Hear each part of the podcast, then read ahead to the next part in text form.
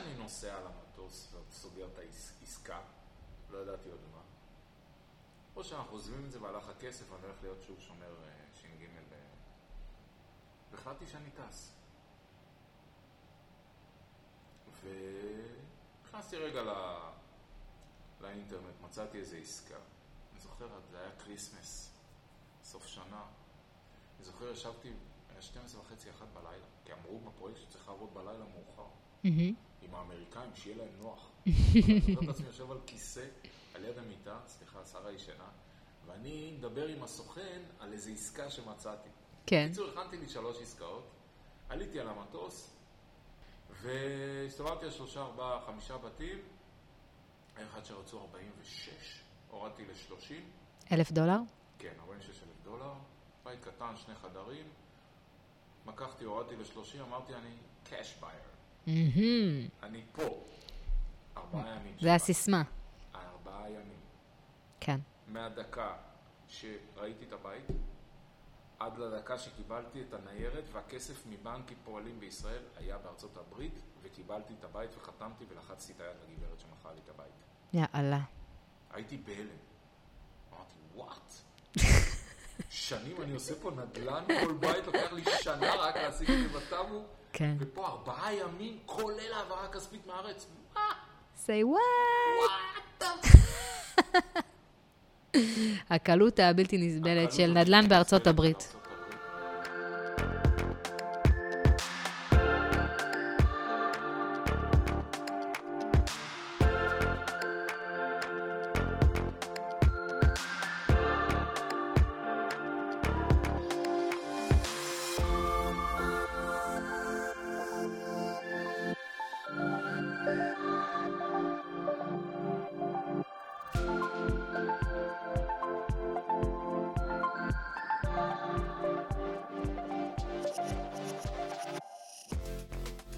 ברוך הבא, רן גלעד. תודה רבה רבה.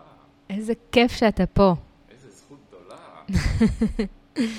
אז אה, האמת שבדרך כלל אני מציגה את האורחים שלנו, אה, אבל אה, אתה דווקא אדם שאני יודעת, כן, יכול להציג את עצמך מדהים, ולכן אני בוחרת דווקא שאתה תציג את עצמך היום. אז בוא, בוא תספר לנו קצת, מי אתה, רן גלעד? אני רן גלעד, בן קיבוץ אפיקים, כבר בן 75, 57, כמעט אמרתי 75, כמעט. אני נשוי לשרה כבר איזה 40 שנה, הפסקתי לספור. יש לנו ארבעה ילדים מקסימים. שני הבנים הלכו בעקבותיי, או בעקבותינו, כי גם שרה בעסקה, ונכנסו למחזור 30, ואין גאה ממני. לפני שבוע הם קיבלו מרוברט את התעודה. כבר יש להם בית או שניים. יש לי שתי בנות בצבא, שתיהן קצינות, וממשיכות בתהליך הזה. אני חושב שמיציתי את חיי. אני בן למשפחה עם שבעה אחים ואחיות, קיבוצניקים. אין משפחה בקיבוץ, או לא היה פעם. ובעצם היום כל החיים שלנו זה למען הילדים. ואני מאמין שכל מה שאני עושה, בסוף בסוף מתנקז לילדים. וואו, איזה אבא. אבא, איש משפחה ו- וגם יזם, יזם אה, רציני מאוד. יזם בלי סוף, יזם בלי סוף, הראש אה, מייצר, אפילו כשאתה ישן, אני מתעורר, פתאום יש לי פתרון, פתאום יש לי משהו, אני נכנס לאיזה בית, לאיזה מפעל, לאיזה משרד, ישר עולה לי איזה פתרון. בזמן השינה אתה נכנס למשרד, בית, אה, מפעל? לא, זה זה פיזי, אה, אוקיי. אבל אז אני תופס משהו שתפס לי את העין, אוקיי. ואז בזמן השינה, אני, מוצא את הפתרון למה שראיתי. כן, כן. יכול להיות לפני שבוע, יכול להיות לפני עשרה ימים. מדהים. עד, עד ש, ש, שאני לא אמצא את זה, זה יושב בראש. וואו, אז, אז אתה בעצם ממשיך, כמו שאנחנו אומרים, אנחנו בעצם בשינה, בחלומות, מאבדים את האינפורמציה, בדרך כלל מהיום או קצת לפני, ו, ואתה בעצם ממשיך לפתור בעיות גם בשינה שלך. כן. דרך אגב, זה לא בעיות, זה הנאות. יפה. זה חשוב מאוד להבין, זה, זה לא בעיה, זה ברגע שאתה מוצא איזשהו פתרון, שאתה מצליח להקל, לייעל, לטפל, כל מה שקשור לעזרה מסוימת, אתה נמצא בעולם אחר לגמרי. וזה לאו דווקא בשביל הזולת, זאת אומרת, זה יותר בשביל הזולת הזולת מאשר בשביל עצמי. אבל אני כאילו נכנס למקום של אותה בעיה שראיתי, שמי שסוחב אותה, ועד שאני לא פותר בעבורו, אני לא מצליח להשתחרר. כן, אתה מאוד מאוד בשביל הזולת. אנחנו מכירים גם, אנחנו חברים טובים, בנוסף לעובדים ביחד. לא עובדים ביחד, אנחנו חברים. מה שתגיד. אבל, אה, אבל בעצם אה, הנושא הזה של עבורו אה, ולזולת, ו- ונתינה ותמיכה, זאת אומרת, כל, כל המילים האלה שאני שומעת ככה עכשיו, אפילו במשפט ראשון שלך, זה חלק מאוד מאוד גדול ממי שאתה. ככה חונכנו. אמא שלי, שתיבדל לחיים ארוכים, בת 92 היום. עד היום היא הולכת שלושה ימים בשבוע ללמד בית ספר. היא מחזיקה שתי ספריות. והיא רק בנתינה. לא מעניין אותה איפה היא, היא בנתינה. נכון. נכון שאנחנו השתכללנו, הטכנולוגיה השתכללה, וברור לנו שאנחנו צריכים גם לחיות וגם צריכים כסף ועשרות אלפי דברים נוספים שנוספו לחיים שלנו. אבל ה... הנתינה היא מהות החיים בעבורנו, עליה גדלנו. עכשיו אני בשלושה ימים במסע, הבנות שלי בבית מלון ומבלות בירושלים אשתי, ואני הולך לישון ב-Airbnb, הוא נוסע לפה, הוא נוסע לפה, העיקר שהם ייהנו, וזה לא משנה מי אני. האחרים נעמדים לפניי. נכון שהתבגרתי, ונכון שאני צריך היום קצת יותר נוחות ו- וסדר בשביל עצמי, אבל עדיין אני תמיד אוותר בשביל האחר. וזה... כשאתה חי בקיבוץ של פעם, אתה חי בקבוצה. אתה מוריד את האגו שלך, הוא לא קיים. ואם אתה רוצה להצליח, אתה סוחף איתך את האנשים. אני, אני לא יודע אם אני הכל יכול להסביר, אבל אני כבר בכיתה ז' בעצם הייתי מרכז המשק של הפינת חי שלנו. זאת אומרת, ניהלתי ילדים בכיתה ח' כבר. למה ניהלתי? כי, כי אהבתי לעבוד. הייתי גומר את הבית ספר ישר רץ להאכיל את החיות, והייתי הולך אפילו להעיר את האחראי של הפינת חי המבוגר. בהפסקה הגדולה, אני זוכר את זה. זאת אומרת, אבל זה לא, זה לא היה עול. זה לא בא מתוך אה, קושי. כן. עד היום אני לא עובד. אני בעצם זורם. כשהייתי שכיר, היה לי מאוד קשה לעבוד בשעות ולעמוד במפעל, ליד מכונה, או במשרד, או שזה. אני צריך מסגרת אווירית ופתוחה כדי להתפתח. וואו. אז, אז אתה אומר שהתחלת לעבוד בגיל מאוד צעיר, ואתה לא קראת לזה עבודה, ועד היום אתה לא קורא לזה עבודה. כי יש איזושהי חדווה בעשייה, ש... את יודעת, יש לנו שני דברים שבעצם אנחנו מסתובבים סביבם. Mm-hmm. אחד, אנחנו בפרויקט, פרויקט X, שהוא כולו נדל"ני. נכון. אני מגיל 9-10, בשבתות, היינו הולכים למזבלה של הקיבוץ, אוספים ברזלים שהיו זורקים, ונוסעים ובונים בית לאח שלי בירושלים. אז תחשבי שאני בגיל 9-10 כבר חפרתי יסודות והכיתי עם פטיש. כמו... היה לי גם שם, קראו לי אוואק. אוואק? מה הפירוש? יש לזה פירוש? לא. סתם? אוואק, תביא את הפטיש, אוואק, לך תביא את האוכל, אוואק, תחפור פה. ככה קראו לי. אז נדל"ן, בעצם, הוא, הוא, הוא בתוך חיי כל החיים. לגמרי. foundations, לא סתם, כאילו, עשית... תרתי משמע. ואז זה היה מאליו, שגם לא היה לאן לחזור. ההורים לא היו בבית. אימא שלי הייתה גננת עד ארבע וחצי, חמש, היא הייתה אחראית על הילדים של האחרים. כן. ורק אחרי זה היא הייתה משתחררת. אנחנו היינו בכיתה או בבית תינוקות, או לא משנה.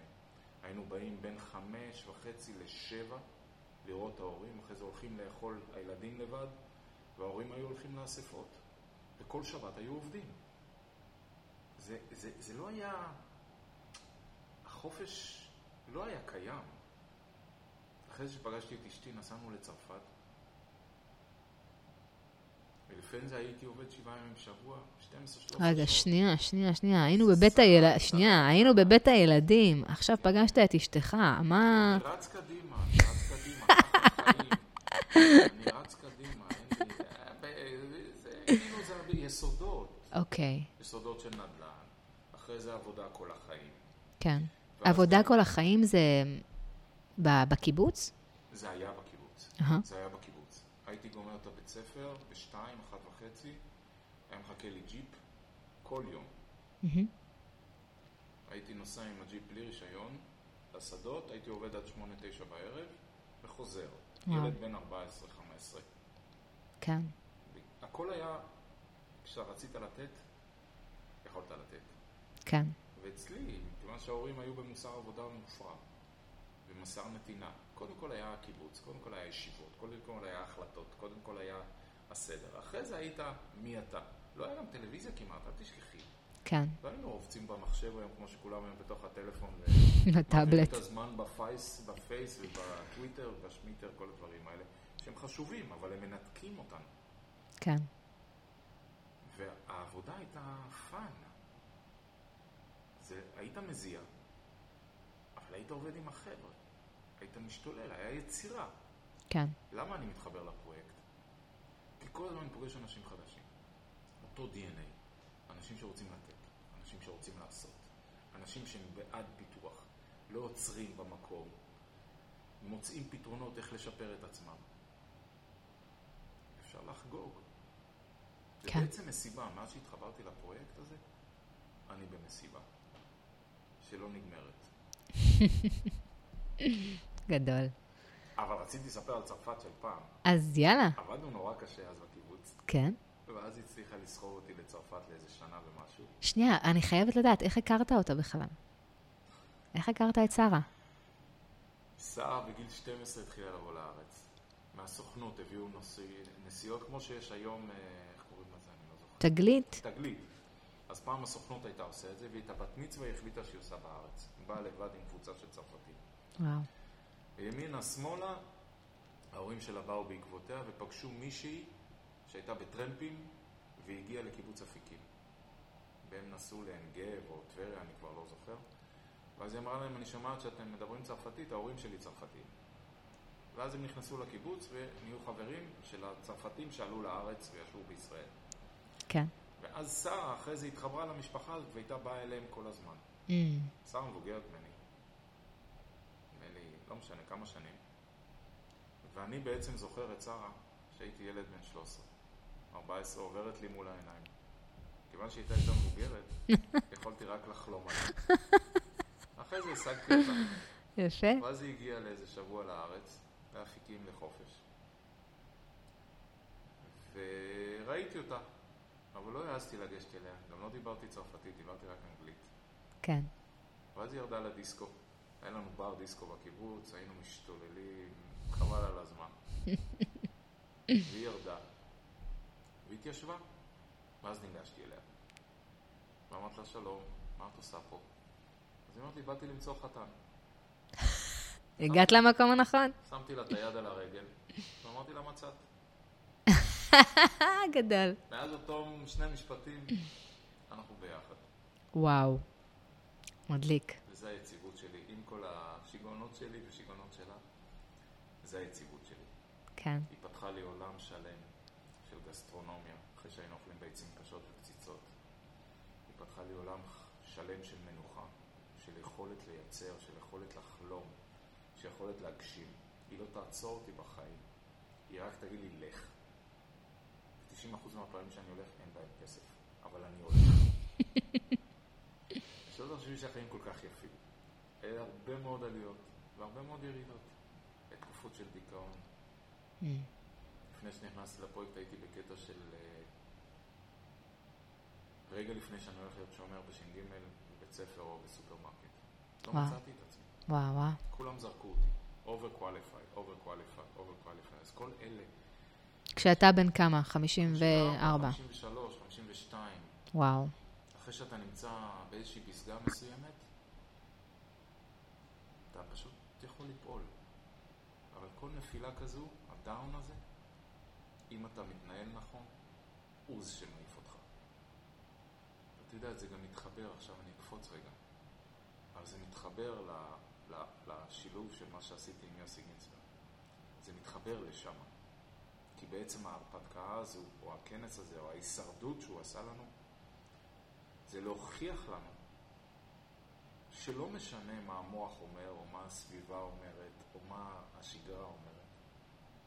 תמיד, אבל תמיד, אתה תתאפס ותתרומם. הכל תלוי בך. וואו. אולי כדאי שנגיד uh, למאזינים שפחות מכירים, יוסי גינסברג הוא uh, מומחה להישרדות בינלאומי, uh, מספר על עצמו שהוא נחשב כזה בטעות, uh, על אף שהוא באמת לדעתי אכן כזה, ו- ועושה חייל uh, לא רק בארץ, גם בעולם. ואצלו אתה היית באיזשהו, באיזושהי סדנה של התגברות על פחד. אוקיי, אז רק, רק רציתי שבאמת ככה יישארו איתנו, ובוא תספר. כן. אז בעצם אם אני מסתכל על השנים האחרונות שלי מאז שהגעתי לפרויקט, לקח לי זמן להתחבר. מתוך התשעה חודשים, שלושה חודשים הייתי מנותק. אני זוכר שאורי בר היה רודף אחריי. אורי בר זה המנטור שלנו, שהיה המנטור של רן. שהיה לי ועד היום אני. היה רודף אחריי, איפה אתה? לאן אתה הולך? מה? תעשה, תבוא, תלך. אתה צריך לעשות 1, 2, 3, אבל אני לא 1, 2, 3. הגשת 100 הצעות? כן, תגיש 100 הצעות. להגיש 100 הצעות, אני יודע להגיש הצעה אחת ולסגור אותה, אבל אני צריך לבזבז את הזמן שלי, זה חבל על הזמן. ובאמת הלכתי וחזרתי, והייתי גם באפריקה בתקופה הזאת איזה שבועיים, התנתקתי לגמרי. ואז חזרתי ואמרתי לשרה, תקשיבי, או שאני נוסע על המטוס וסוגר את העסקה, לא ידעתי עוד מה, או שאנחנו עוזבים את זה והלך הכסף, אני הולך להיות שוב שומר ש"ג ב... כמו שאמרתי, שרה תמיד אמרה לי, לך, לך. והחלטתי שאני טס. ונכנסתי רגע לא... לאינטרנט, מצאתי איזו עסקה. אני זוכר, זה היה Christmas, סוף שנה. אני זוכר, ישבתי, היה 12 וחצי, אחת בלילה, כי אמרו בפרויקט שצריך לעבוד בלילה מאוחר. עם האמריקאים, שיהיה להם נוח. אני זוכר את עצמי יושב על כיסא, על יד המיטה, סליחה, שרה ישנה, ואני מדבר עם הסוכן על איזו עסקה שמצאתי. כן. בקיצור, הכנתי לי שלוש עסקאות, עליתי על המטוס, כיוון שאני יודע גם להסתדר, אז חיכו לי בנמל תעופה. יפה. באו עם אוטו. הופה. לקחו אותי, הביאו אותי, אני, את הדברים הקטנים האלה, אני יודע, אני יודע לגרום לאנשים לעזור. סחטיין. לעזור לי. והסתובבתי על שלושה, ארבעה, חמישה בתים, היה אחד שרצו 46, הורדתי ל-30. אלף דולר? כן, 46 אלף דולר, בית קטן, שני חדרים, מקחתי, הורדתי ל-30, אמרתי אני cash buyer. אני פה. ארבעה ימים. זה הסיסמה. ארבעה ימים. כן. מהדקה שראיתי את הבית, עד לדקה שקיבלתי את הניירת והכסף מבנק פועלים בישראל היה בארצות הברית וקיבלתי את הבית וחתמתי ולחצתי את היד לגברת שמכרה לי את הבית. יאללה. הייתי בהלם. אמרתי, וואט? שנים אני עושה פה נדל"ן, כל בית לוקח לי שנה רק להשיג את זה בטאבו, כן. ופה ארבעה ימים, כולל העברה כספית מהארץ. מה? say what?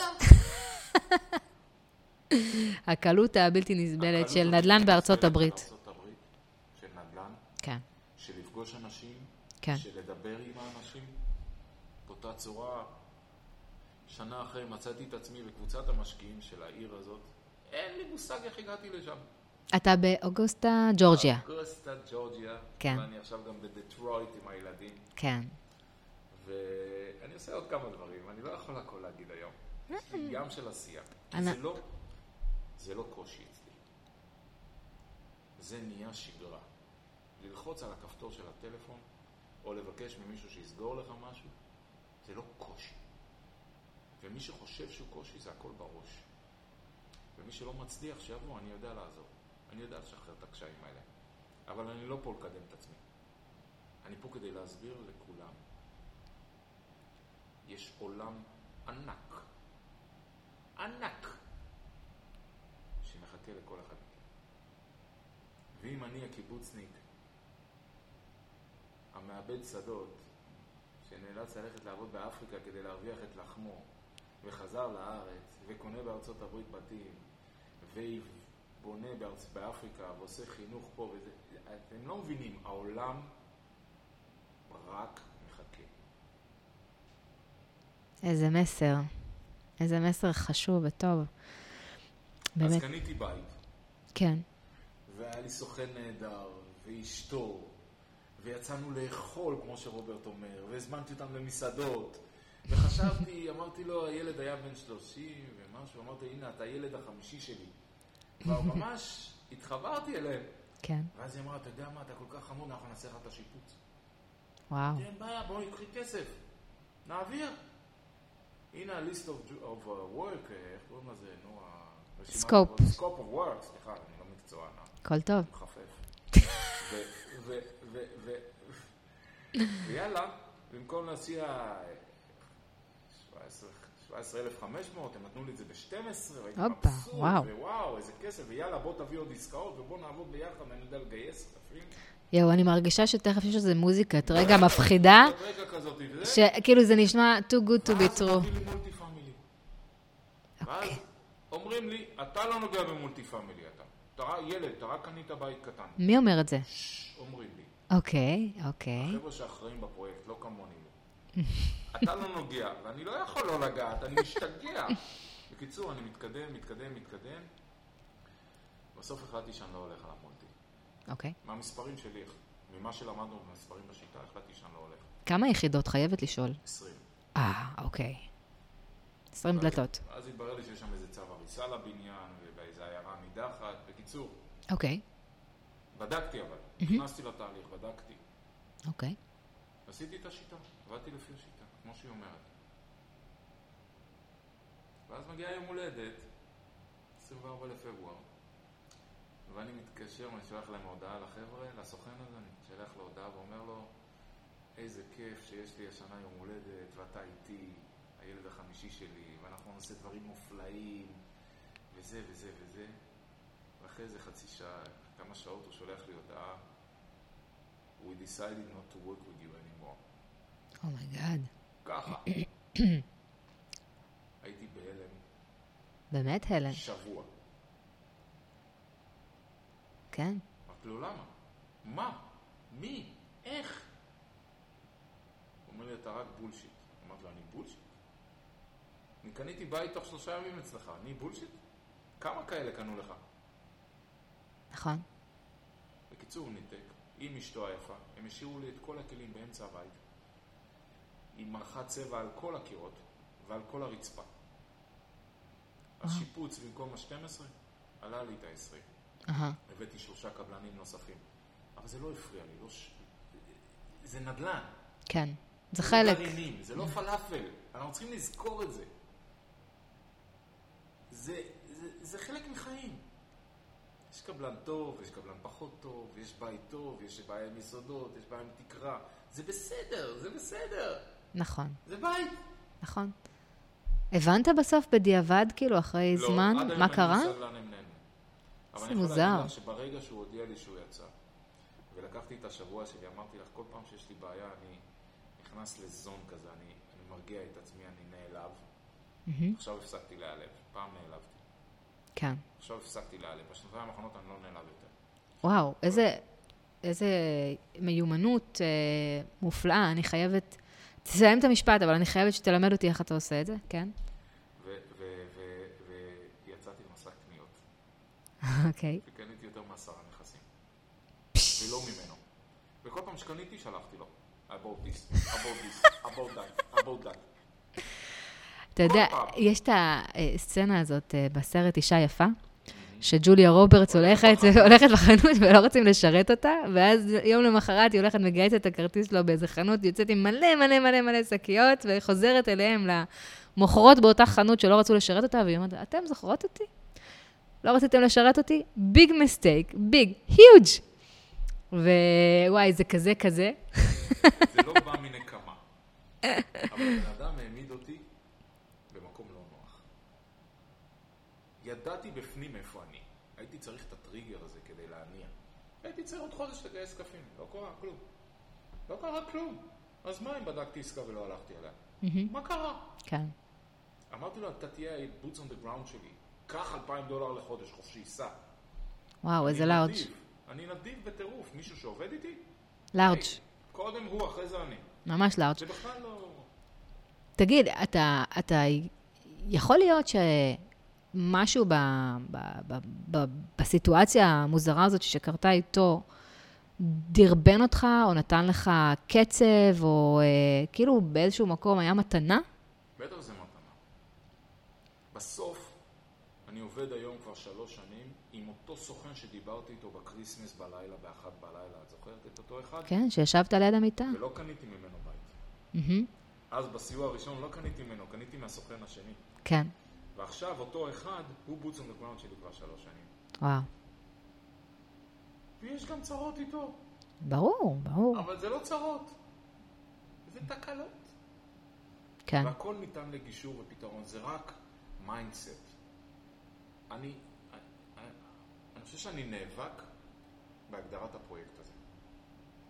הוא נדל"ני כשיטה, mm-hmm.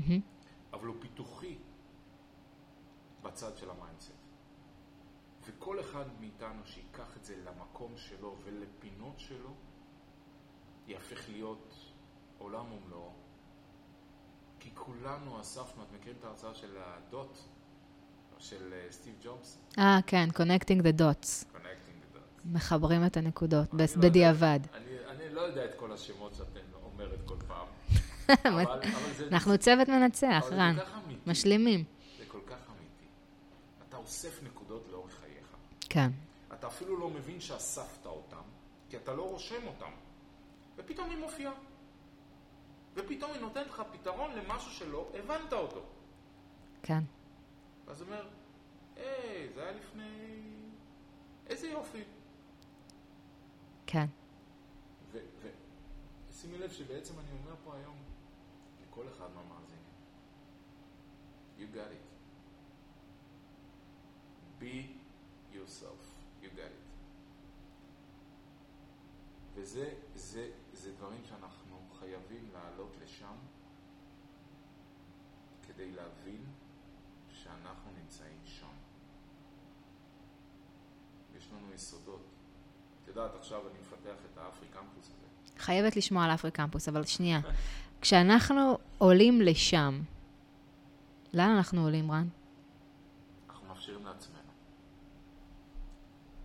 לשפר את המיומנויות שלנו ללא ההפרעה מסביב. לא okay. סיפרתי לך, אבל ב-2016,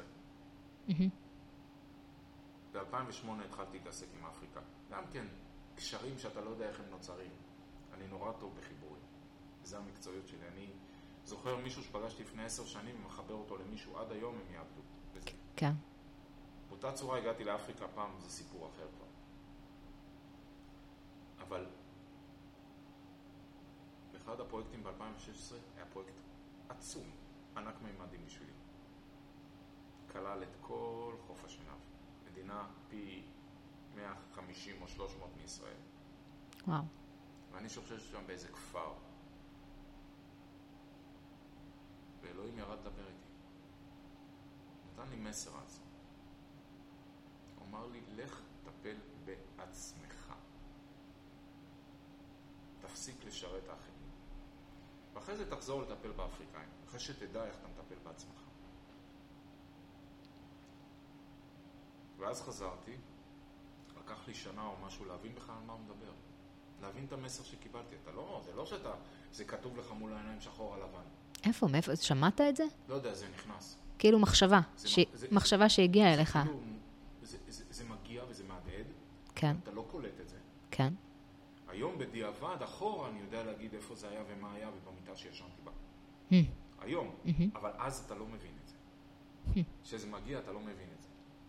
זה חלק מאותן מחשבות שמתרוצצות לנו בראש, ואותם מסרים שמגיעים אלינו, שאנחנו לא תמיד יכולים לקבל אותם ולהבין אותם.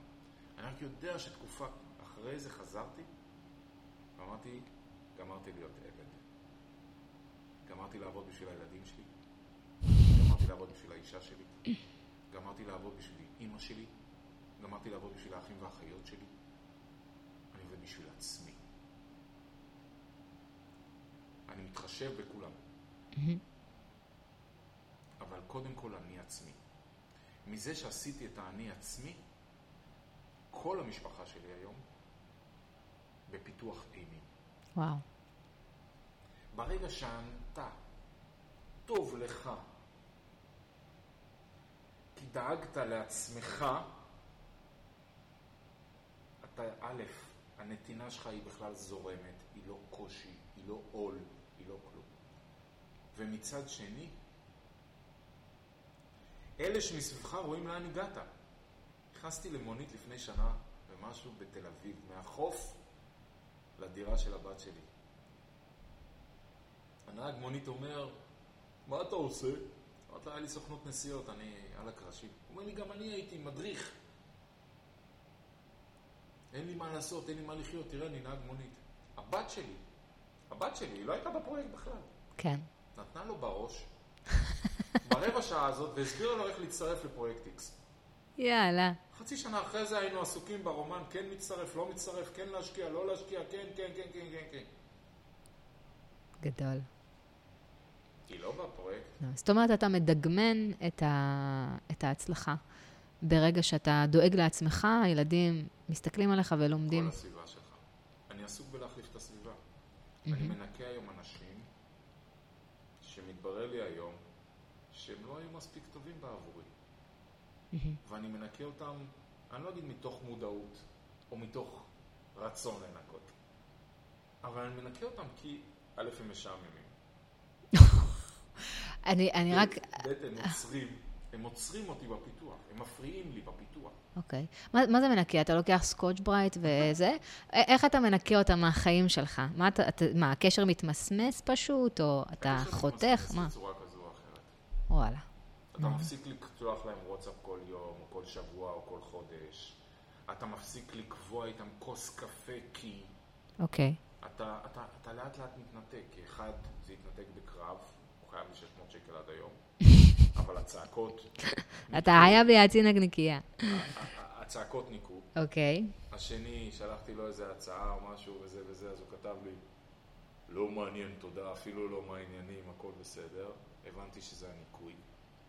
אוקיי. זה אתה לאט לאט בונה לעצמך ובוחר עם מי אתה רוצה לבלות. ותמיד יש בזה, כמו שאומרים בטנגו, you need to. כן. אתה לא יכול להשקיע באחרים בלי שהשני יחזור אליך. הדדיות. חייב. הדדיות ופיתוחיות. אל תסחבו על הגב מישהו שכשתסתכלו באמת תראו שהוא מתיישב לכם על הגב. הוא צריך להיות איתכם במשוכה למשוך איתכם קדימה. ואל תחכו לו במעבר. הוא יגיע, אם הוא רוצה. אבל זו החלטה שלו, לא שלכם. אז אתה מתאר פה גם באמת אה, קשרים בין אישיים, אה, חברויות, אה, אנשים, ואתה בעצם אומר, אתה ניקית את החיים שלך מקשרים שלא עבדו לך. אה, ומהצד השני, פיתחת ו- וטיפחת קשרים שכן, ש- שקידמו, שהיו הדדיים, שהיו אה, כאלה שהיטיבו איתך, וכאלה שהייתה, מה שאתה קורא לו, פיתוחיות, זאת אומרת, שיכולתם להתפתח ביחד. כן, זה הפריה הדדית. אוקיי. ואני חקלאי באופי. ותמיד כשאתה זורע זרע, הוא ימצא את מקומו והוא יגדל. והצמחים שיפריעו לו, הוא ידחוף הצידה. והצמחים שיתאימו לו, הוא יתחבר אליהם. ולפעמים הוא גם ימות. והשאלה שלנו בחיים זה א', ללכת לפי הקצב שאנחנו מסוגלים אליו, שזה פרק מאוד מאוד חשוב בחיינו. אל תדרוש מעצמך דברים שיגרמו לך לעוגמת נפש. דבר שני, זה ללכת עם אנשים ולהיות ידיד של כדי לייצר הפריה וקידום ופיתוח. את בעצמך יודעת כמה פעמים אני בעד אלייך. נכון. את לא באת עד אליי. אה, אל תגיד ככה. קצת, חצי, 50 אחוז את משקיעה. אל תגזים. אבל אחרי היום את תשקיעי עוד. כי ההפריה ההדדית הזו היא מה שיוצרת את הגדילה שלך. אי אפשר לגדול לבד. יש תמיד את הדימוי במה שיוסי אומר מהג'ונגל, ואני מצטט אותו. כן. כשהוא ישב בג'ונגל, הוא ראה שהצמחים נשענים אחד על השני. mm. כדי להתפתח הלאה. יפה. ואנחנו כאנשים דורכים אחד על השני כדי להתפתח הלאה. איפה אתם הייתם רוצים להיות? לגמרי בצמחים. בג'ונגל. עכשיו, צמח, כשהוא גדל, הוא מוציא ענף, הוא מבסס אותו, ואז הוא מוציא עוד שני ענפים, והוא מבסס אותם. והשניים האלה מוציאים עוד שניים ומבססים אותם. הם לא ישר גדלים לצמרת עם עשרות ענפים בדרך. אחת הטעויות שלנו כבני אדם, או בחיים של היום, שאנחנו רצים כל כך מהר, שאנחנו לא מבינים שיש לנו מיילסטון בדרך. כן. ואם לא נשים שורשים, ולא נשים יסודות, ולא נשקיע אותם, ולא נדשן אותם, ולא נהנה מהם, ולא ניקח פירות של כיף. בכלל, כל מה שאנחנו עושים צריכים להיות בהנאה מלאה. אני לא עד כדי כך בהיי, שלא תחשבי שאני איזשהו אחד שחי ב... איך אני אגיד את זה? תמיד במצב רוח טוב. אשתי סובלת חבל על הזמן. אבל להחזיר את עצמי למקום ולבוא אחרי שעתיים להגיד לה, שגיתי. למדתי ממך. כן. אני חושב שזה פרק בלימוד, ואני כל הזמן עסוק בעוד ללמוד. ללמוד על עצמי בעיקר. כן, יפה. אז אתה, אתה מדבר פה על גם בוא נלמד להישען אחד על השני כדי להתפתח ולצמוח ביחד קדימה והלאה. אמ, אתה מדבר פה על... אה, מה עוד היה לנו? הנושא השני שדיברת עליו זה הדרגתיות, נכון? חשוב שאנחנו, מה שאתה דיברת עליו, מיילסטונס, כן? יש לנו איזשהו... צריך לעבור משהו בדרך. כן. ו- ואתה אומר גם שבאמת, לא תמיד אתה happy joy joy, זה, זה בסדר, זה חלק מהעניין. חבל על הזמן. כן. אני ב-ups and downs חבל על הזמן. אבל אני יודע להחזיר את עצמי ב-ups, ואני יודע להרשות לעצמי להיות בדאון. כן, יפה. וגם לקחת אחריות, כמו שאמרת. אני לוקח אחריות. אף אחד לא יסגור לי שום פינה. אבל לקח לי זמן להבין שאני תלוי אך ורק בעצמי ולא באחרים. נכון. חמישים ומשהו שנה חיכיתי לאחרים. עכשיו אני לא מחכה לאף אחד יותר. אז המשפט הופך ל"אני לא אסגור לי אף פינה". לא, אני אסגור את הפינה. אני אסגור עוד יותר טוב. אני אסגור את הפינה. אף אחד לא יסגור. זה קשור לאגואיזם שדיברנו קודם. זה קשור ללהבין מי אתה. זה קשור ללקחת אחריות על פעולותיך, ועל עצמך, ועל התנהלותך, ועל עשרות אלפי דברים. ולהבין שאין מה לחכות לשני. אם הוא לא בא איתך, בסדר, מותר לו. לא כולנו נולדנו להיות בקצב כזה או בצורה כזו או בהתנהלות כזו או אחרת. בשביל זה יש התאמות. אז על פרויקט אתה יכול לעבוד גם חמישה אנשים. כל אחד עושה פרק מתוך החמישה. כי אתה לא יודע את הכל. ראשית כל תבין מי אתה. כשהיה לי גיל 40, חשבתי שאני יכול לעשות הכל. הייתי ענק, היה לי עסקים, גידלתי בעצמאות, היה לי, הייתי מנהל גדול, עובדים. בגיל 50 הבנתי שאני לא כל כך מוכשר כמו שאני חושב. שאני לא מסוגל לעשות הכל. בגיל 55 אני יודע להגיד שאני לא יודע לעשות הכל. ואני צריך להיות תלוי באחרים. אבל אני לוקח אחריות על מה שאני עושה. אני יכול להיות תלוי, אבל להיות אחראי על החלק שלי. והכי חשוב בסוף, זה לעבוד עם תשוקה ועם לב.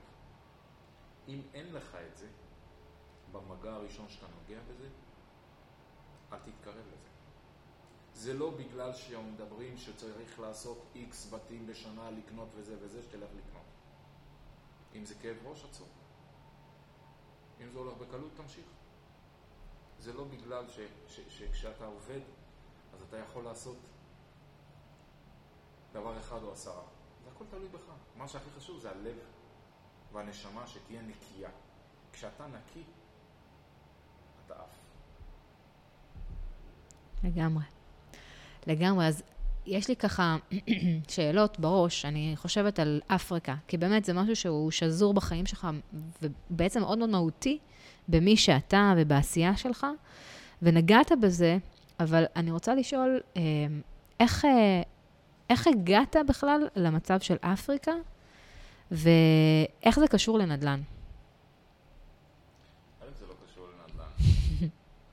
אולי זה כן קשור לנדל"ן. עכשיו שאת שואלת, אז אני חושב. כי, כי מהנדל"ן אני אמור לקבל את ההכנסה הפסיבית שתאפשר לי להשקיע באפריקה. כי באפריקה אני אישית לא עושה מיליונים. כן. אני עושה כסף, אבל לא עושה מיליונים. מצד שני, מדינת ישראל מפוצצת באנשים שנותנים. ועמותות, וזה וזה וזה. אז כמה מקום? אין space. אפריקה. היא או נשלטת על ידי האדם הלבן עד היום, שבעצם שואב ממנה את המשאבים, ויש שם ים של אנשים שאתה יכול לעזור להם להתפתח, ואתה רואה אחד כזה, פורח, אתה, אתה מבין שעשית לו חיים ומלואם. פה בארץ אני יודע שיש מספיק אנשים שיעשו את זה. אבל פתאום באה אליי לפני שנה וחצי בחורה, שפגשתי ב-2013. נפגשנו פה ושם, וכל פעם היא שאלה אותי על הדברים שלה, על העסקים שלה ומה לעשות וזה. ועזרתי לה לצאת מהמקום שהיא יצאה. זו בחורה אפר... מאפריקה? אפריקאית, כן. כן. פגשה אותי באיזשהו מקום, ביקשה ממני שיחה, אפילו שילמה על השיחה, זה אפריקאים לא בדרך כלל. מהמם. ומאז כל פעם הייתי מקשר מה המצב אחד, פעם בכמה חודשים, כאילו על הדרך, לא, לא עבודה, אה, מסגרת, אה, לא הוגדרתי כמנטור, לא כלום. תפגשי אותה היום, תשמעי את ההקלטה שהיא עשתה. בזכותי הכל, מה בזכותי? מה עשיתי? היא הייתה שכירה בקוסמטיקה משהו.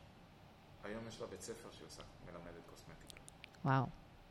היא, היא, היא היום עצמאית, היא היום עשרות אלפי דברים, היא הייתה באיזו עמותה דתית שמשכה אותה למטה, אמרתי לה תצאי משם. והיום הבחורה מלמדת אחרים. יפה. יפה, זה מקסים. כן. אז זה מין שליחות שאתה מרגיש שיש לך יותר מה לתת ומי שגם יקבל. באפריקה? כן, כן. לא בגלל שהם נזקקים. לא מתוך המקום של הנזקקות. אני לא הולך לטפל בעניים, העניים, העניים. אוקיי. אני הולך, אני הולך לטפל בשכבה שתוכל להניע את, ה.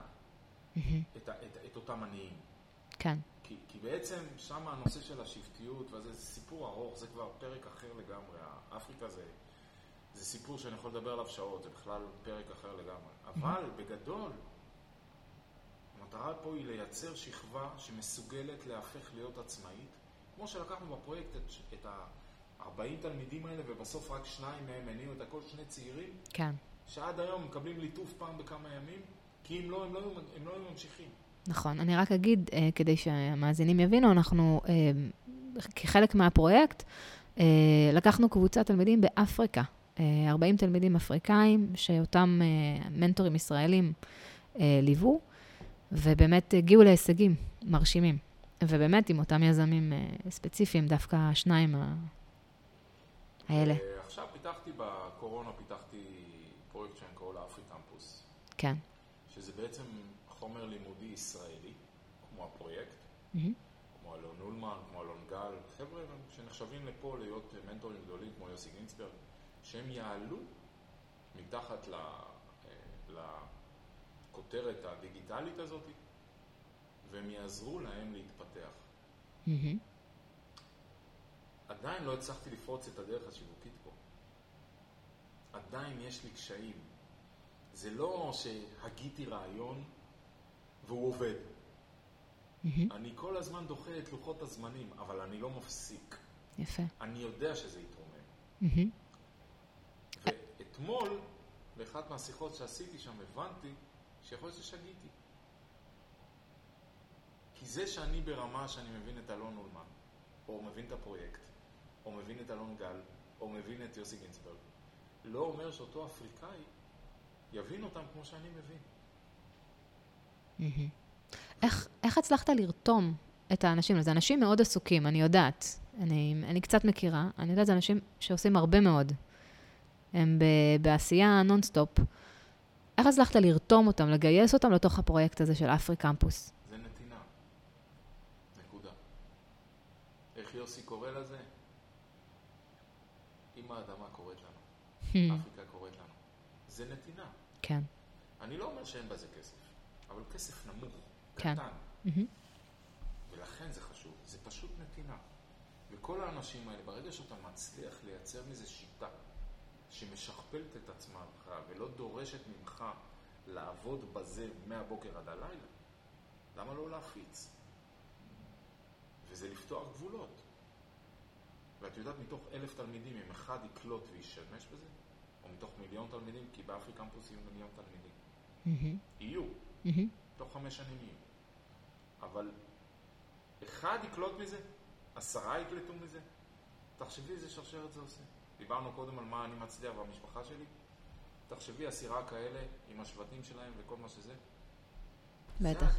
יש אדוות לכל, אה, לכל דבר כזה, ברור. ומדבק. כן, מדבק מאוד. איזה יופי. אז כמה שנים היית באפריקה? אני לא הייתי באפריקה, אני עובד באפריקה, יש שוני. כן. אני ישראלי ואני חי בישראל. כן. אני מאוד ציוני. Mm-hmm. אבל אני און ואוף משנת 2008, עוד מעט 13 אה, שנה אנחנו שם. כן. היינו מביאים המון תיירות לפה. מתוך זה יצאתי לפרויקטים חקלאיים.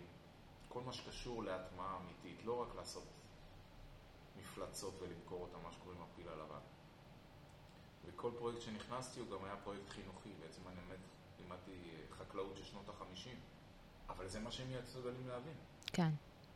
ומותר לי להשוויץ רגע? יאללה. בישראל עושים משהו כמו 100-110 טון עגבניות מדונם. סליחה, 10 טון, 10 טון לדונם. אוקיי. באפריקה עושים משהו כמו 0.5 טון לדונם. שתבינו את ההבדל. אוקיי. מה... אני, בעבודה עם סכין, עם אה, מנצ'טות, מה שקוראים, בלי טרקטורים, בלי כלום, הצלחתי להביא אותם לשמונה טון לדונם. וואו. רק בשיטת עבודה.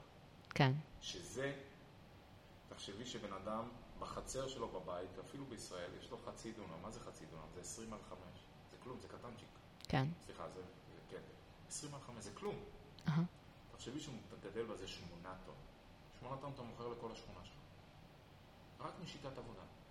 איזה הישג. זה כלום. והכל ביד, הכל עם מנצ'טות. והם יושבים בחצר בחוץ, עם כיסא. הם לא שותים קפה, אבל הם שותים תה. והם מסתכלים על, ה, על הגידול, ומוכרים לעצמם ומוכרים לשכנים. זה מבחינתי הישג. להטמיע מערך כזה. איזה יופי, איזה יופי. אז בעצם גדלת בקיבוץ, בית ילדים, על הטרקטור בלי רישיון, עובד את האדמה, אה, נהנה מהחבר'ה ומהעשייה, יש חדווה, אה, לא קורא לזה עבודה, ועם זה ממשיך הלאה. זאת אומרת, עבדת הרבה שנים בקיבוץ, עבדת אחר כך uh, כשכיר, פגשת את שרה בגיל 13, נכון היית? התאהבתם? לא, אמיתי זה בגיל 20 ומשהו. אה, אוקיי, אוקיי. נעשה השלמות אחר כך. ו, ובעצם uh, מוצא את עצמך uh, באיזשהו מקום, uh, ב, ממקום של... Uh, מה משך אותך לאפריקה בעצם? איך הגעת? א', שרה הגיעה, לא אני. שרה הגיעה לאפריקה? אוקיי. זה היה בשביל למשוך אותם לתיירות, למשרד תיירות? זה מה שאנחנו קוראים החיבורים המוזרים של החיים. אבל לשים עליהם לב. אסור להזניח אותם. וצריך להגיב לפעמים מאוד מהר. חברה שלה ראתה בג'רוזלם פוסט בקשה של כומר למצוא סוכן בישראל להביא תיירים לארץ. ככה. וואו. אני מדבר איתך על שנת 2007. כן. והיא שלחה לה את המספר טלפון, והיא התקשרה, והבחור אמר לה, כן, אני מחפש. והיא עלתה על מטוס עשרה ימים אחרי. שיעה. והיא נחתה שם, ושבוע אחרי שהיא הייתה שם, היא התקשרה אליו ואמרה לי, אתה חייב לבוא לפה. יאה. ככה, ממש, מודעה בעיתון, חברה רואה, מתקשרת לשרה, שרה עולה מיידית על מטוס, אני עולה חודש אחרי זה על מטוס, מגיע לשם, מתחיל לזרום, מוצא את הקשרים שלי, היא מוצאת את הקשרים שלה, עד תחילת קורונה הבאנו תיירים בלי סוף. אלף, אלפיים ראש בשנה, סליחה שאני קורא לזה כבר ראש, כן, זה נהיה כבר... כמו בקר. כן, אבל, אבל הבאנו לארץ מלא, ומזה יצאתי לפרויקטים, ומזה הכרתי קהילות, ומזה נתנו מעבר לטיול בארץ עוד משהו, עוד ערך. המון הרצאות על ישראל. המון הרצאות על השיטה הישראלית, על היהדות, אני מוצא את עצמי באפריל, הוזמנתי לאירוע להסביר מה זה בית כנסת. אני, הקיבוצניק, mm-hmm. שהיום אני מאמין באלוהים, אבל, אבל מה אני יודע מה זה בית כנסת, כאילו? ואני לומד את החומר, ואני יושב מול קהילה של, היו שם בערך 500 איש, ואני מסביר להם מה זה בית כנסת. זה מבחינתי המהות היהודית שלי. ואז בא האפריקאי הזה, שב-2017 אני אומר שהוא מייסד קהילה, שיש לו קהילה של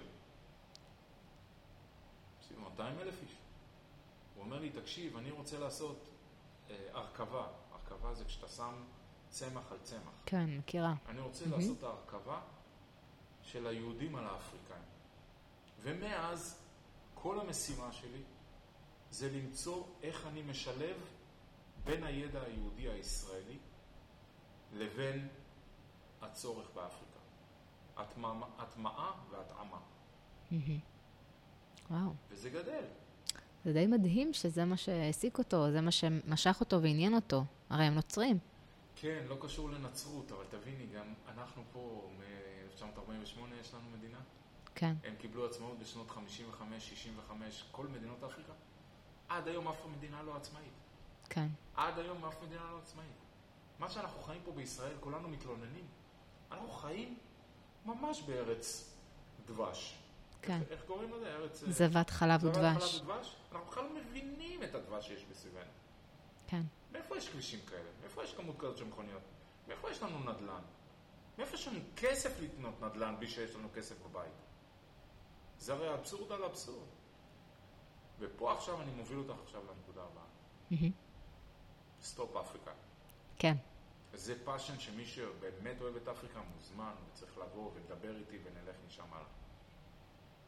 אבל עכשיו אני ביצירה של פרויקטים כדי לעזור לצעירים פה ולכאלה שיש להם רק 100 אלף שקל להגיע לדירות בארץ. Mm-hmm. יש שם פתרונות מימון מאוד יצירתיים, וזה הפרויקט שאני עסוק בו היום. אוקיי. Okay. כי הנדל"ן בארצות הברית כבר נהיה שגרה אצלי.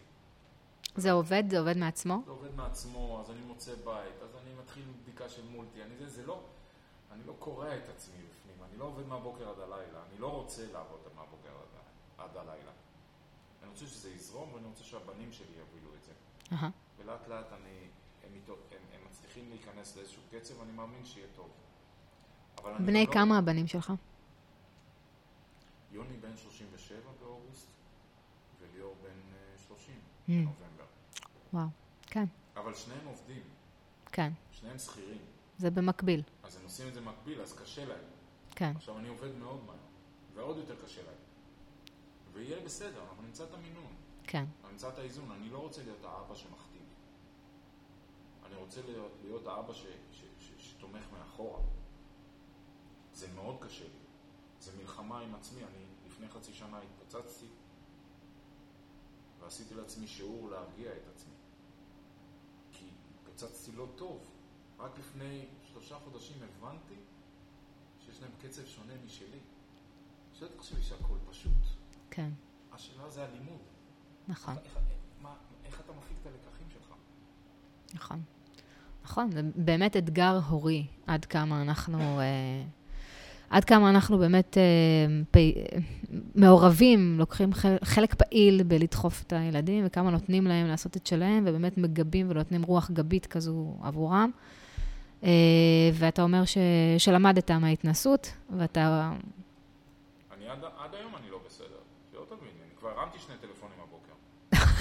אחרי זה אני אומר אה, לעצמי, יואו, תרגע. תרגיע. תרגיע. תן להם לעשות את הקצב שלהם. כן. זאת אומרת שאני כל דקה ושעה ויום אני בלימוד עצמי. מעולה.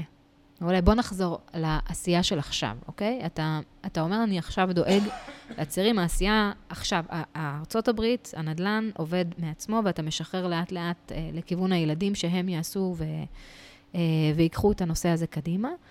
אמ, יש לך גם נדל"ן בארץ, אבל בוא לא ניכנס לזה כרגע. ועכשיו אתה מתעסק, עיקר הפעילות שלך, אמ, בנוסף על אפרי קמפוס, זה בעצם לעזור לצעירים בקבלת מימון עבור יזמות.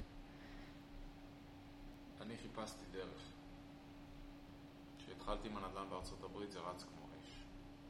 השנה האחרונה מאז הקורונה, מחירי נדל"ן עלו למחירים, לטעמי, לא מספיק טובים. למצוא עסקאות היום זה בנרות, זה טירוף, זה חיפוש קשה. ואני לא אוהב להשקיע. לא אוהב להשקיע, אני אוהב לפרוח. אז אני עושה נדל"ן בארצות הברית זורם. וחיפשתי פתרון בארץ, גם בגלל שער הדולר, שהוא טוב למשקיע חדש שנכנס, אבל הוא לא טוב למשקיע ישן, שהכסף שלו שם, ואז להביא לארץ אתה מפסיד המון כסף. והתברר לי שיש פה מקורות ואפשרויות מימון במדינת ישראל שאנחנו לא מספיק מכירים אותם. התחברתי לגוף שהיום אני, בתקופה האחרונה אנחנו עובדים ביחד ואנחנו מוצאים פתרונות מימון לכל מיני אנשים. ומתוך זה אני רוצה להגיע למצב שאני הופך את נושא הדירות בארץ לכמו שקיים בתחום הרכב. אתה בא, היום פעם היית מוכר את האוטו בשלט. היום אתה בא למגרש, המגרש לוקח ממך את האוטו ונותן לך אוטו אחר במימון. אני רוצה לעשות את זה בדירות. אני רוצה להגיע לשם, לעשות trading בדירות, ואני רוצה שחבר'ה עם מעט כסף, כמו צעירים, או אנשים טיפה יותר מבוגרים, 100, 150 אלף שקל, אני לא מדבר על מיליונים, שירוויחו מזה. אני אעבוד קשה, אבל הם ירוויחו מזה. אני מדבר על הלוואות של סביבה בין 9 ל-12 אחוז שיקבלו על הכסף. אני אומר את המספרים האלה, כי פחות מזה אני לא מדבר. זאת אומרת, חבר'ה צעירים שיש להם 100 אלף שקל, יוכלו לתת לך את הכסף הזה ולקבל בתמורה כעבור שנה 109 אלף. נכון. או 112. או אפילו 112 אלף. כן, בלי לעשות שום דבר. בלי לעשות כלום. יש ערבונות? כן. מדהים, זה נשמע טוב. יש פה, יש פה עדיין סיכון מסוים שאתה לוקח. אתה מדבר על הצעיר. על אותו צעיר או על אותה קבוצה, לא משנה מה, איך נקרא לה כרגע. יש עדיין סיכון, אבל יותר טוב מכלום. למה חתכת דווקא ב-100 אלף? איפה, איפה, איפה... אי אפשר להתעסק בפחות מזה. אתה גם צריך להיות יעיל. האמת היא שאני רוצה בכלל לעבוד על 200-300, אבל אני יודע שיש המון שאין להם. כן. יודע שיש מצוקת דיור בארץ. ולכן גם אותו אחד שישקיע, הוא ירוויח רשימה של דירות שלא קיימת בשוק. משם הוא יוכל להתקדם, ואז נעזור לו למצוא את המימון המשלים. זאת אומרת, אנחנו משלימים לו את כל החבילה. זה קצת יותר מורכב. כן, אני לא בטוחה שהבנתי. אני עוד לא סוגרתי, אני עוד לא, אנחנו עוד לא סגרנו את כל הקונספט, אבל בגדול, כן. המטרה היא להגיע למצב שהשקעת, תקבל כסף על הכסף שלך, תקבל זכות קדימות, קדימה, לראות דירות שמועלות למכירה, ותקבל עזרה ולמצוא את כל המימון שאתה צריך לרכישה של אותו בית. אוקיי. אוקיי, וזה הכל בישראל. הכל בישראל. הכל בישראל. עכשיו אני עוסק עם פרויקט של, של יזם שתוך 40 חודש אנחנו נותנים 36 אחוז על הכסף ששמת אצלנו. מהמם. וזה הכל בישראל, עם ערבונות בישראל, בשקלים. שאנחנו חיים בשקלים, אנחנו לא חיים בדולרים. אחד הקשיים שהיה לי בתור, בסוכנות נסיעות שלנו, שהכל היה תיירות מחוץ. ואז אתה עובד עם יורו או עם דולר. כל פעם שיש תנודת מטבע, אתה מפסיד. כן. אני זוכר שנה אחת, היורו נפל מ-5-3 ל-4-8 בתוך חודשיים. את יודעת כמה הפסדנו? הלקוח שילם, כן. אבל אני עובד בשקלים בישראל, את יודעת כמה הפסדנו? עכשיו שתביני, כשאני התחלתי לעבוד ב- בנדל"ן, הדולר היה 4-2, 4-3, היום הוא 4, הוא 3-2, 3-3. שלוש, שלוש, כן. זה, זה 25% הפסד, אז אני מעדיף להשאיר את הכסף שם ולמצוא פתרונות פה. ומתברר שאפשר לעשות כסף במדינת ישראל. לא על ידי זה שתקנה דירה על שמך ותשכיר אותה, זה 3-4%. על ידי זה שתלווה לגופים מימוניים כאלה ואחרים, ואז אתה עושה תשואה יפה. נכון, בכל דבר יש סיכון, אבל יחסית הוא מועט. אני מתחבר לחברות שעובדות הרבה שנים, מתחבר לאנשים שיש להם יציבות כלכלית, וזה הדברים שאני מחפש. איזה פתרונות מימוניים אני מוצא. השבוע ישבנו עם ילדה מתברר שיש לה בית, היא חייבת עוד... היא ילדה, כשאתה אומר ילדה, בת כמה? זה צעירה. אוקיי. בחורה צעירה. בחורה צעירה, יש לה בית. כן. בסדר, אז היא כבר לא צעירה, בסדר? יש לה בית, בסדר? היא חייבת עוד איקס כסף למשכנתה. עולה לה כמעט 3,000 שקל בחודש. אמרנו לה, בואי נחדש לך את המשכנתה. בואי נחדש לך את התהליך. לא עם הבנקים, נמצא פתרונות, מצאנו פתרון. לא עם בנקים, גוף אחר. וזה יעלה לך 4,000 שקל, במקום 3,200. אבל תקבלי מיליון 300. ואז את המיליון תשקיעי אצלנו בהשקעה.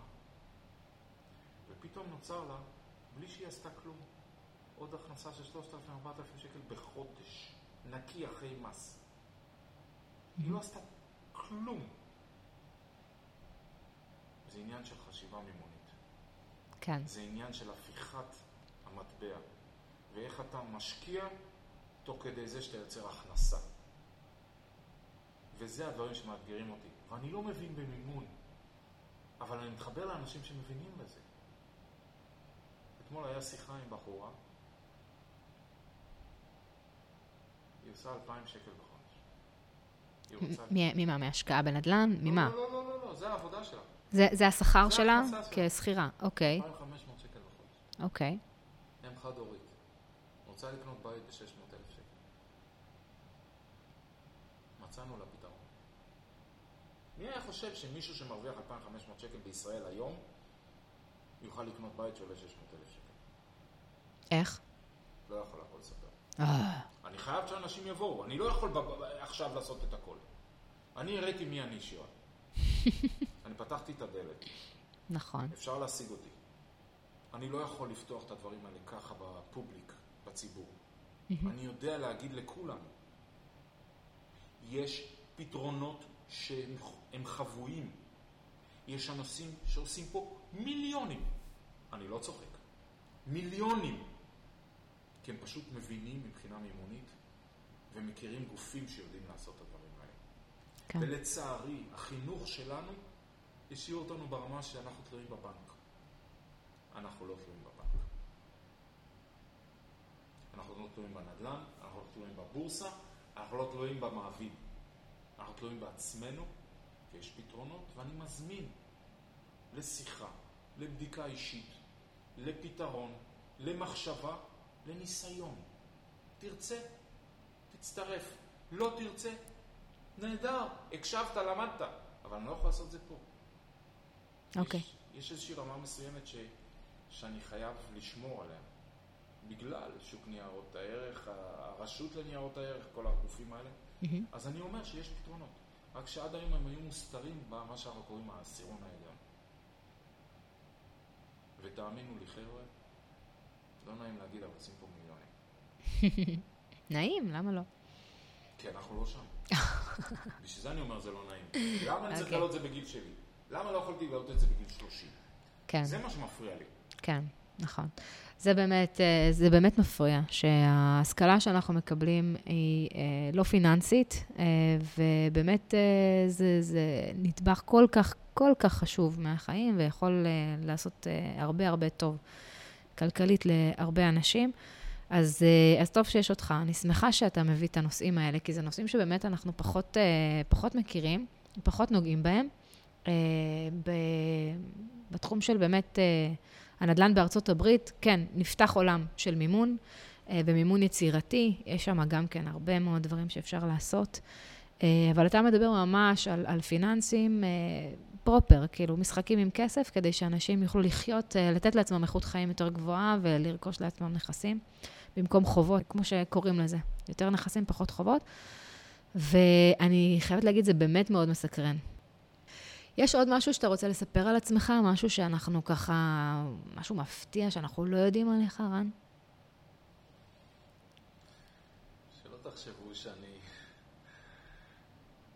יש הרבה אנשים שמסתכלים עליי ואומרים וואו. אין פה הרבה וואו. יש פה רן, אה, שהוא הוא גם למעלה והוא גם למטה. וכשאתה למטה, אתה צריך למצוא את הזון שלך, את הזון, אני לא יודע איך אומרים את המילה הזאת. זון. זון. אתה צריך למצוא את המקום שלך, כדי להבין שזו תקופה מסוימת, ולגור אנרגיה כדי לעלות למעלה, ואני אומר לכם, אין שום מגבלה בחיים האלה. אין, זה הכל אצלנו בראש. תחלמו, תלכו עם הלב, תעבדו עם תשוקה, תתחברו לאנשים שמתאימים לכם. אל תרדפו, תובילו, תיקחו אחריות. ואני אשמח להיות פה עם כל מי שירצה או ייצור קשר. אבל באמת, זה... איך אומרים? תוציאו את המפלצת שבתוככם. כי אתם אפילו לא יודעים מה הגודל שלה. וזהו, רציתי להגיד תודה, שירה. מספיק, לא, דיברנו הרבה. עכשיו תשאירי את הטלפון שלי. לא, סתם, את מנהלת עליו. לא, בכיף. קודם כל, אתה מוזמן אפילו גם להגיד אותו באודיו, אז אני, זה יהיה נחמד שאנשים, מי שירצה, יוכל ישר לרשום וליצור קשר. אז המספר שלי זה 054 42 62 250 בואו לחלום, אבל בואו לעשות. אני מאוד פרקטי, אני אומר לכם. If you're a dreamer, אל תתקרב אליי. אבל אם אתה ביצועיסט ודרימר, בוא. לא, אבל באמת, אני יכול לעשות הרבה מאוד סדר לאנשים. גיליתי תופעה שלא הבנתי אותה. שאנשים נפגשים איתי ולפעמים אני מדבר טיפה אה, בצורה ברוטלית, אבל מי שלוקח את זה נכון, א', אני עובד כדי לעדן את עצמי, אבל מי שלוקח נכון את, את, את הסדר שאני מכניס לו, הוא, הוא עף. ורוב הקושי שלנו, איך אמרנו את המשפטים? יש כמה משפטים שנורא נלוזים, אבל הם האמיתיים. יש שני משפטים שאני מאוד אוהב. המשפט המוביל זה אם אין אני לי מי לי, שהוא בארבע מילים סידר את כל מה שאנחנו חושבים, ויש את המשפט השני שתפסת מרובה לא תפסת, שהוא עוד יותר עמוק. תתמקדו, תעשו צעד צעד, תעשו סדר, אתם צריכים עזרה בלעשות סדר, אנחנו פה. תרצו סדר, להתפתח, אפשר. פשוט תרשו לעצמכם. פשוט תרשו לעצמכם. וואו, איזה סלוגן. אה, רן, המון המון המון תודה. זה היה ממש אה, מעורר השראה, ומעורר באופן כללי. אני, אני חושבת שבאמת, אה, גם אני אישית לקחתי מהשיחה הזו הרבה, ובטוחה שכולנו, כל המאזינים. תמשיך, תמשיך, אתה עושה, אתה בקצב מטורף. וזה כיף לראות אותך מתקדם ככה בצעדי ענק ועושה כל כך הרבה וחולש על כל כך הרבה תחומים, באמת, הכל, בפיננסים ובנדל"ן, גם בארץ, גם בארצות הברית. אה, וגם מאוד אה, ברמה הוליסטית, כאילו, יש לך גם הרבה מאוד אבהות ו- ומשפחה וזוגיות, ואתה ממש אה, כל כולך בעשייה והתפתחות בכל התחומים. אז תודה שנתת לנו מהזמן שלך ומהחוכמה שלך. אני מאחלת לך הרבה הרבה הצלחה בהמשך, והשארת אותי סקרנית עדיין. צריך עוד, צריך שיחת המשך. אז אם מותר, אני אודה לך, כי את מלכה. ואם מותר, אני אגיד לך שבזכותך אני יושב פה היום, והמאזינים לא יודעים. אבל לשירה ולי יש איזשהו רומן ביצועי. והוא נרקם, והוא יירקם. אבל uh, באמת תודה. על הזכות ותודה על זה שהזמנת אותי ותודה על ה... שהוצאת ממני את מי שאני. תודה רבה.